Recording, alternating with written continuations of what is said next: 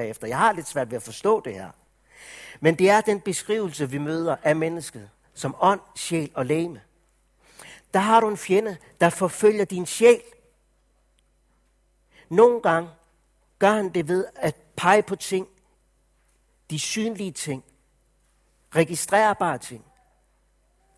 Andre gange, så gør han det ved dybe anfægtelser og peger på nogle åndelige ting. Fjenden forfølger din sjæl. Det synes jeg som sagt, det er blevet så rystende klart for mig inden for de seneste 3-4 uger. Og øh, jeg vil nævne nogle eksempler her på det, hvordan det langsomt er blevet tydeligere og tydeligere for mig. I uge 6, der var jeg på en møderejse i Norge, hvor jeg boede hos en øh, kollega, der arbejder i Norsk Luthersk Mission. Og øh, nogle af hans opgaver ligner på mange måder også nogle af de opgaver, jeg står i som afdelingssekretær. Og vi snakkede noget om den udfordring, det var at få den livsnødvendige stillhed med Guds ord. Og jeg synes et eller andet sted, der var lidt befriende over at kunne møde en der, som kæmper med noget af det samme. Det livsnødvendige i stillheden med Guds ord. Han kom med et citat fra en bog, som jeg har taget med her. Så nu skal vi have den næste. Dias dernede. Vores vestlige kultur, altså det er ikke nogen øh, sådan åndelig og byggelig på, han har været i gang med at læse her, men den peger på nogle øh, træk, som vi kan tage ved lære af. Vores vestlige kultur er præget af, at når vi skal slappe af, der vælger vi adspredelsen, i stedet for stillheden og kontemplationen, det betyder fordybelsen. Vi skifter fra kanal til kanal, både i fjernsynet og i overført betydning. Middelaldermennesket valgte noget helt andet. De valgte koncentrationen. Ja, det er måske lidt en udfordring lige at få den serveret her. Men det, der er tale om, det er, at vi i vores kultur i dag, når vi skal slappe af, så vælger vi adspredelsen. Vælger snart den ene kanal, snart den anden, så den tredje. Ikke nødvendigvis på tv'et. Det kan det være. Men det kan også være, være, være sådan en her, eller på PC'en, eller tabletten, eller hvad det nu er. Alle mulige ting. Bare, jeg ligesom bliver adspredt af det der. Kender du ikke det? Og der er ikke noget bedre end efter en travl dag, bare sætte sig der. Nå, vi går lige hen på den side. Vi går lige hen på den side. Vi går lige hen på den side. Eller hvis du sidder med en opgave, du har svært ved at koncentrere dig. Nå, men jeg kan jo lige tjekke nyheder en gang til. Det er godt nok kun tre kvarter siden, jeg var derinde sidst. Men det kunne jo være, der skete noget nyt. Vi tjekker lige en gang til. Eller er der kommet en, øh, en opdatering her? Og det var det heller ikke. Der vælger vi adspredelsen i stedet for stillheden og fordybelsen, når vi skal slappe af. Tidligere, der valgte man noget andet. Der valgte man koncentrationen, når du skal slappe af. Hvor mange af jer forbinder det med afslappning, at koncentrere sig? Jeg er bange for, at vi er nogen, nu skal jeg ikke sige alle, men vi er nogen, der i den grad er præget af den her kultur. Og som min kammerat han siger til mig, det her, det får jo de følger sådan på det rent menneskelige plan, at mennesker de går hen og bliver følelseskolde. Følelsesløse og kolde. Men hvad det også får betydning, det er, at det er farligt for vores Guds forhold. Og vi snakkede om det, at man kan miste evnen til at koncentrere sig. Også når man sidder med den her. Man mister evnen til at koncentrere sig. Nu havde vi lige før et par minutter stillhed. Jeg skulle ikke undre mig, om en af jer oplevede, at den lå der og rystede i, i lommen. Den er bitte sag. Måske også en enkelt lige har sagt, hvad er det for noget, der kommer ind der? Der mistede du i det øjeblik evnen til stillhed. Evnen til at koncentrere sig. Han gav udtryk for, at han kæmpede noget med det. Ugen efter, der med at komme tilbage igen og snakker med en, som også arbejder i Guds riges arbejde, altså har det som sit job. i en anden sammenhæng end i LM. Og ind i den der snak, så siger han, jeg har så svært ved at koncentrere mig. Det var så nummer to. I samme uge er jeg selv i sommerhus med nogle øh, par drenge, par venner der.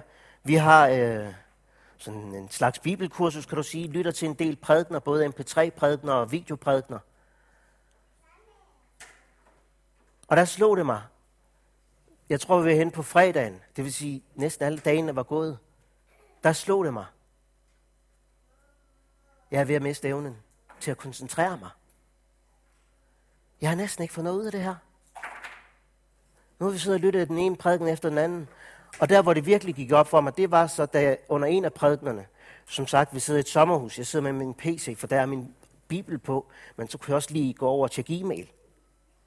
Under samme prædiken, tre gange Tjek e-mail.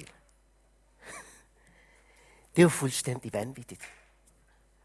Nu er det de færreste, der sidder med computer til møder og sådan. Men samme virkelighed kan jo gøre sig gældende derhjemme, når du sidder og skal fordybe dig. Bliv stille for Guds ord. Så skal man lige tjekke. Men nu er der jo gået 10 minutter. Det kunne jo være, at der var kommet et eller andet, jeg lige skulle tjekke her. Tre gange på en prædiken. Der måtte jeg gå ind og sige, Gud, jeg gik ind på mit kammer, lukkede døren, sagde ikke noget til de andre, bøjede mine knæ og sagde, Gud, jeg er ved at miste evnen til at koncentrere mig.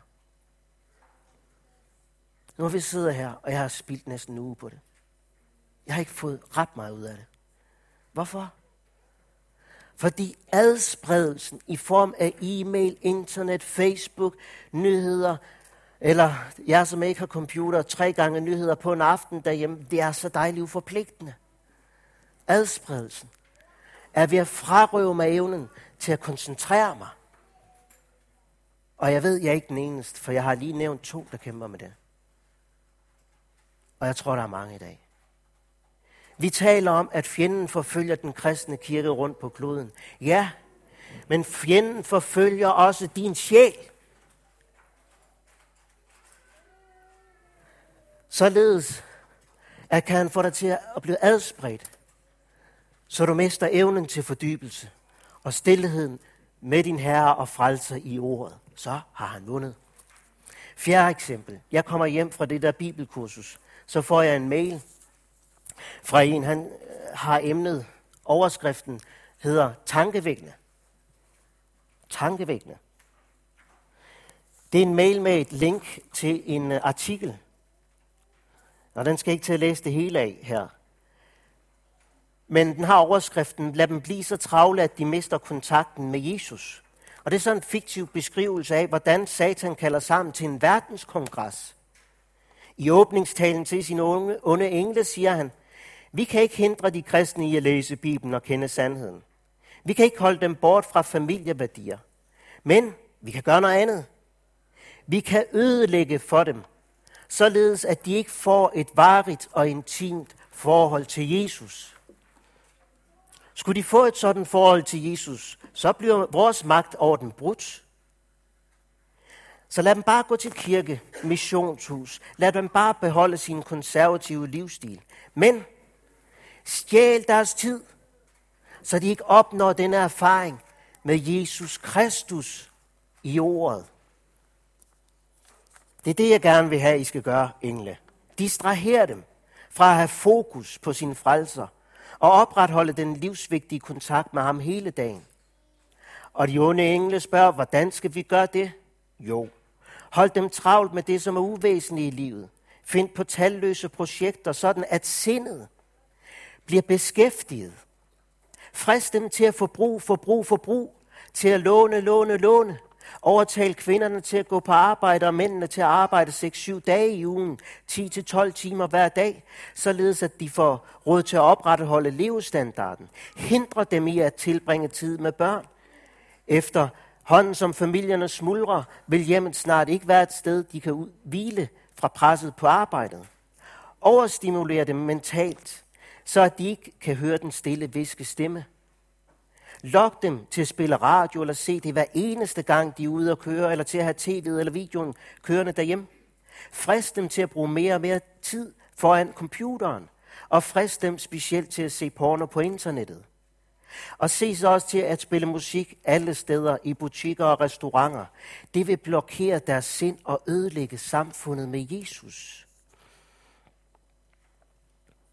Øh, længere ned. Lad dem gerne engagere sig i at vinde andres sjæle, men gør deres, pak, øh, men gør deres liv så pakket med så mange gode formål, at de ikke får tid til at søge kraft fra Kristus. Snart vil de arbejde bare i egen styrke. De vil ofre deres helbred og enheden i familien for den gode sag. Og det beslutter de sig så for på den her kongres og drager ud i al verden og gør de kristne travlere og travlere og travlere. Da jeg læste den artikel, læste om deres strategi, vi skal ødelægge dem, så de ikke får et varigt og intimt forhold til Jesus Kristus i ordet. Da jeg læste i den her mail, så skriver jeg til ham, der har sendt den. Kære NN. Det her, det er ikke bare tankevækkende. Det er virkelighed. Og for nogle af os, der er det en rystende virkelighed, som jeg og åbenbart også andre har taget livtaget med. Vi er blevet så adspredte, så vi ikke længere har evnen til at koncentrere os og blive bevaret i dette stille, intime forhold med Jesus i ordet. Er det forkert? Er det forkert at læse e-mail? Er det forkert at have en Facebook-profil? Er det forkert at gå på internettet? Er det forkert at se nyheder på tv? Er det alt sammen forkert?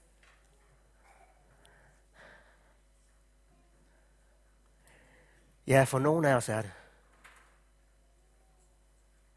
For nogle af os, der må vi sige, her skal kursen lægges om. Jeg har stadigvæk e-mail. Men til denne dag, der har jeg bevidst fravalgt Facebook-profil. Og nogen de siger, har du en Facebook-profil? hey, findes der så nogen? Ja, det gør der. Og jeg har igennem de seneste 3-4 uger fundet ud af, at det skal jeg i hvert fald ikke have. For jeg har kamp nok med e-mail og internet, at det ikke skal komme ind og adsprede tanker og sind, og dermed ødelægge mit forhold til min frelser, og det at blive stille for ham i ordet. Er det forkert med alle de ting? Nej, det er det jo ikke. Det er jo goder, som vi også må tage fra Herren. Men jeg vil gerne, at du bliver opmærksom på, at fjenden forfølger din sjæl også igen alle disse gadgets, elektroniske ting og sager, som vi kan adspredes med. Og nu taler jeg ikke om, hvad indholdet i det, hvad det er, men jeg taler om det, at man kan miste evnen til at koncentrere sig gennem det. Måske nogle af jer faktisk sad og erfarede det lige før i de par minutter stillhed, at tankerne fløj. Så kan man komme ind i sådan en situation, hvor man knap nok kan bede længere. For min sjæl er ved at blive ødelagt.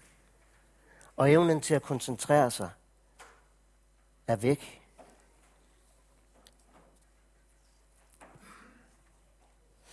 Sidder du der? Jeg tror ikke nødvendigvis, vi alle sidder der. Men sidder der en eller anden der, så har jeg lyst til at sige til dig, Jesus er trofast. Han er trofast. Han ønsker stadig at tale til dig. Han ønsker at hjælpe dig. Han elsker dig med samme evige kærlighed. Han længes efter dig.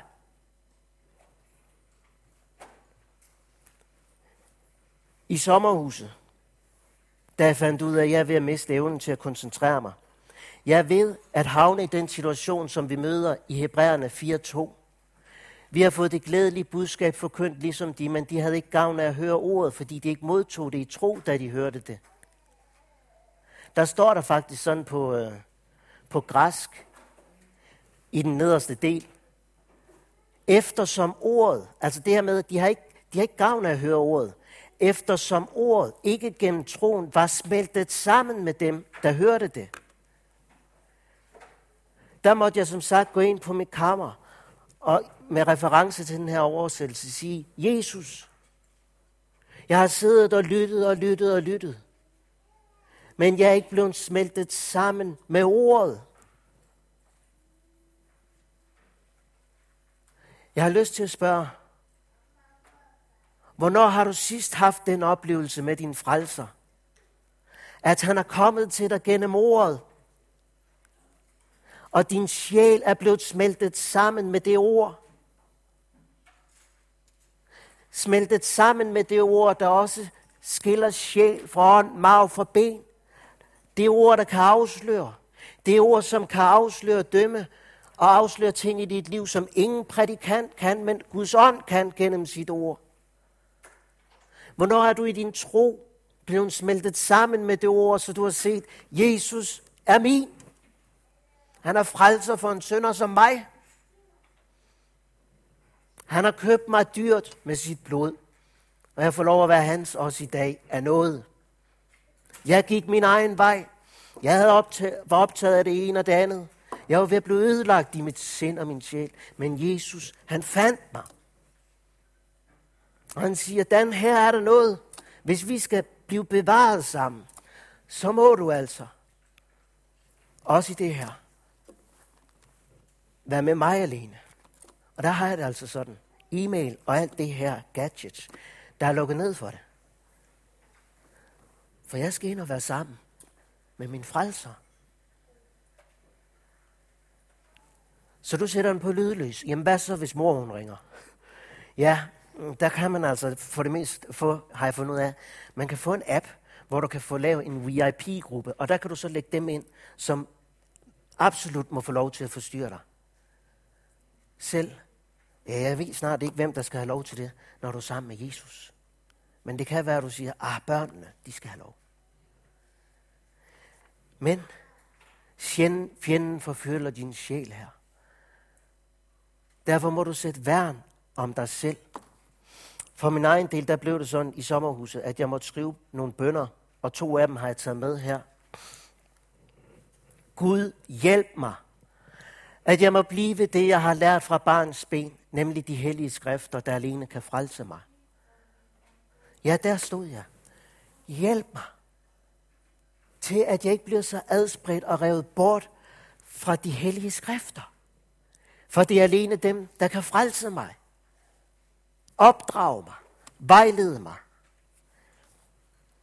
Og den næste bøn. Gud hjælp mig at tage vare på mig selv, og det er jo det, jeg taler om her i dag. Tag vare på din sjæl. Tag vare på dig selv. Hvordan? Ved at tage vare på Guds nådes ord. Og der er det blevet så velsignet godt for mig de senere, seneste halvanden uge, to uger, netop at bede de bønder og sige, Jesus, jeg skal frelses. Hjælp mig nu til at tage vare på det ord. Og også tage vare på mit eget liv. Tag vare på mig selv. Ved at tage vare på dit nådesord. Så går man til ordet, som om man går til Jesus selv. Herre, tal til mig, Jesus. Tal til mit hjerte om Jesus. Og vi sang også, sænk i min sjæl hvert et ord. Så du bliver smeltet sammen med det ord.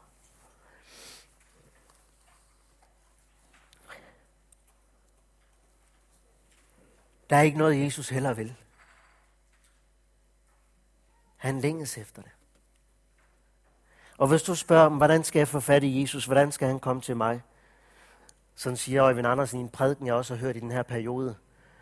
Hvordan skal jeg få fat i Jesus? Hvordan skal han komme til mig? Sig ikke sådan. Ordet er der nær. Hvor Guds ord kommer, kommer Jesus. Når du hører Guds ord, kommer Jesus.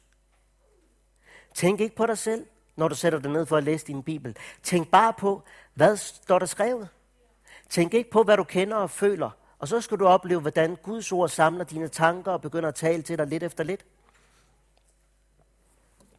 Hvor Guds ord kommer, kommer Jesus. Sådan er det. Så er der måske nogen, der sidder og tænker, ja, ja, ja, det er flot sagt, flot sagt. det, det, det holder jo ikke. Altså, Jesus, han kommer jo ikke. Han kommer jo ikke i dag, som han gjorde for 2000 år siden. Hvis du sidder og siger det, han kommer ikke, som han kommer, kom for 2000 år siden, så vil jeg sige til dig, så kender du ikke det at have mødt Jesus i ordet og blive smeltet sammen med det. Han kommer, og det er lige så virkeligt som for 2000 år siden. Når der kommer et ord til min sjæl, og jeg bliver smeltet sammen med det, så er der jubel, så er der lovsang. Med al respekt for det, du siger, tænker du så, men han kommer jo ikke fysisk, som for 2000 år siden. Det gør han ikke. Jeg tror ikke på det. Så vil jeg sige, nej, selvfølgelig kommer han ikke fysisk. For hvis han gjorde det, så kunne han jo kun komme til dig her i Hvidebæk, og så kunne vi sidde og vente over i Herborg. Men han kommer. Jeg efterlader jer ikke faderløse. Og hvad siger han så? Jeg kommer til jer. Han har del i alle steds nærværelsen. Han kommer gennem det her ord. Og når din tro bliver smeltet sammen med det ord, så har du det som Johannes. Jeg har både hørt, set og betragt. Jeg har rørt ved livets ord.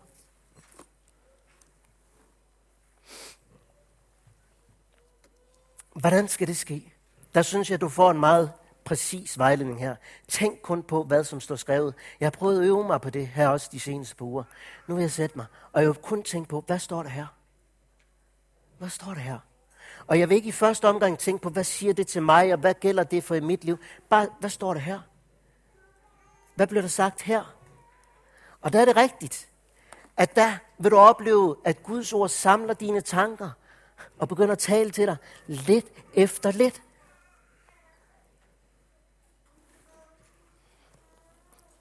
Det gælder at give agt på skriften. Du må ikke sige, at du ikke har tid til at læse i Bibelen, for der taler du ikke sandt. Den tid tager vi. Vi venter ikke på at få den. Du må ikke vente på at læse i Bibelen, til du bliver interesseret. Du må ikke vente på at læse i Bibelen, til du har lyst. Og så kan jeg så godt lide, at han siger sådan. Han var bibelskolelærer. Du må begynde uden at have tid og uden at have lyst. Ja. Hvor er det tit, jeg begynder der? Jeg har hverken tid eller lyst. Ingen lyst, fordi jeg er nogle gange så adspredt. Men jeg begynder med bønder om Jesus. Tal til mit hjerte om dig selv. Det er således, at vi holder ham, os ham for øje i det løb, der ligger foran os. Nu har jeg brugt al tiden på, at fjenden forfølger os. Øh, nå, jeg troede, jeg havde overskriften med her til sidst. Det havde jeg ikke. Fjenden forfølger din sjæl. Nu vil jeg til sidst, og det skal blive meget kort, pege på det, som vi møder i Hebræerbrevet 12. Hvordan vi kan frigøre os for enhver byrde og for synd, som så let omklamrer os, og holde ud i det løb, der ligger foran os, i det vi ser hen til Jesus. Og det gør du ved at søge ham i ordet. Når byrderne er ved at gøre din sjæl træt, eller når synden omklamrer dig og hænger så fast ved det, så du er ved at blive træt i din sjæl og miste modet, der må du se hen til Jesus. Jamen, hvordan dan, siger du så. Åbn din Bibel. Bed over en åben Bibel. Læg mærke til, hvad står der her? Jeg sad sådan i sidste uge, der havde jeg en af de her byrder, der var ved at gøre mig træt i sjælen. Træt.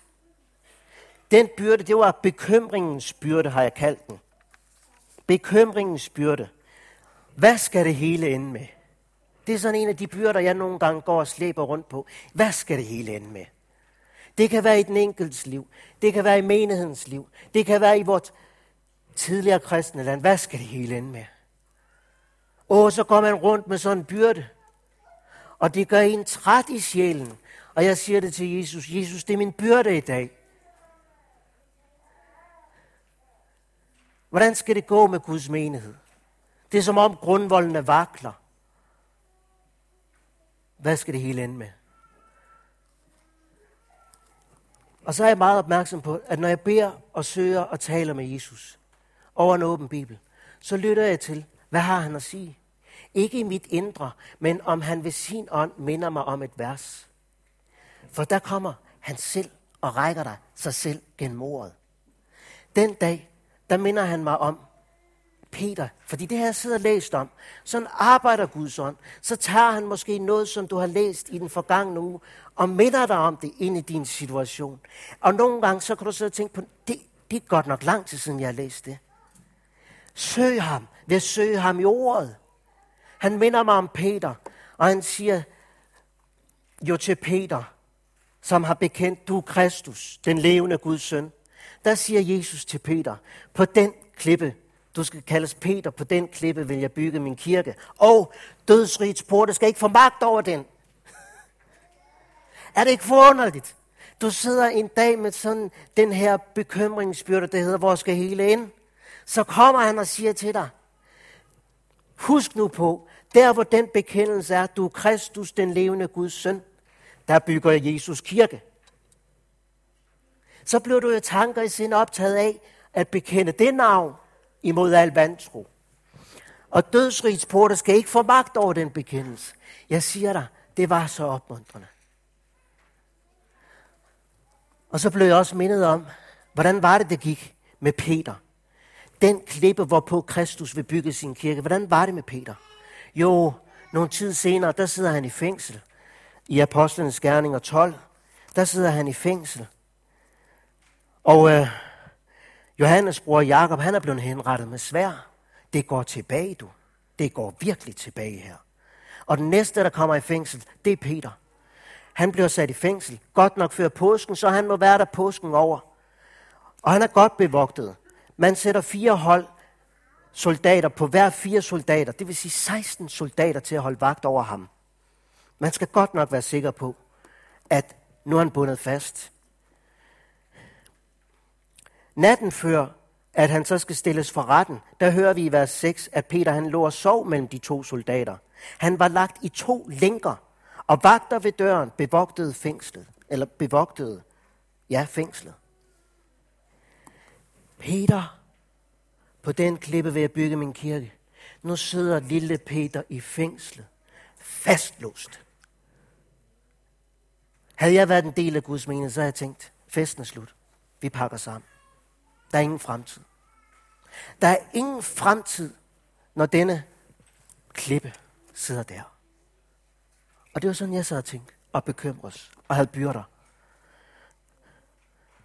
Men pludselig står Herrens engel der, og et lys strålede i rummet. Og det er det. Det er det, der er så underligt. Når Jesus kommer og besøger dig i dit mørke, i dit fængsel, og lyset skinner op, og et lys strålede i rummet. Englen vækkede Peter med et puff i siden og sagde, skynd dig at stå op. Da faldt lænkerne af hans hænder. De ord, det blev ord, der gik ind i min sjæl, så mine lænker faldt af. Og jeg siger, Jesus, tak. Tak, at mine lænker faldt af. Tak, at du har taget min byrde. Er der fremtid for Guds folk? Ja, der hvor Guds folk siger, du er Kristus, den levende Guds søn, der bygger Jesus kirke også i dag og dødsrigets porte skal ikke få magt over den. Hvor er det forunderligt, når sådan ord om Peter kan komme ind til din sjæl og sætte dig fri. Så du ser, han er her.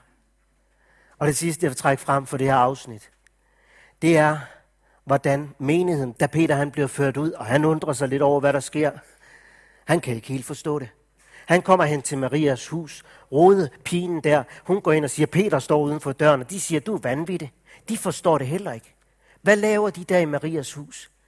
Hvad laver Guds folk i en tid, hvor det går tilbage? Hvad laver Guds folk, når de er bekymrede for denne klippe, hvorpå Kristus vil bygge sin kirke, hvor skal det hele ind? Hvad gør Guds folk? Jo, nogen de bekymres, bekymres, bekymres. Andre de bagtaler og brokker. Men i Apostlenes Gerninger 12, der var de samlet i Marias hus.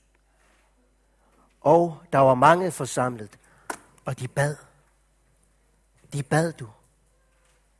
Og det er faktisk også nævnt lidt tidligere, at menigheden blev øh, men i menigheden blev der utrætteligt bedt til Gud for ham.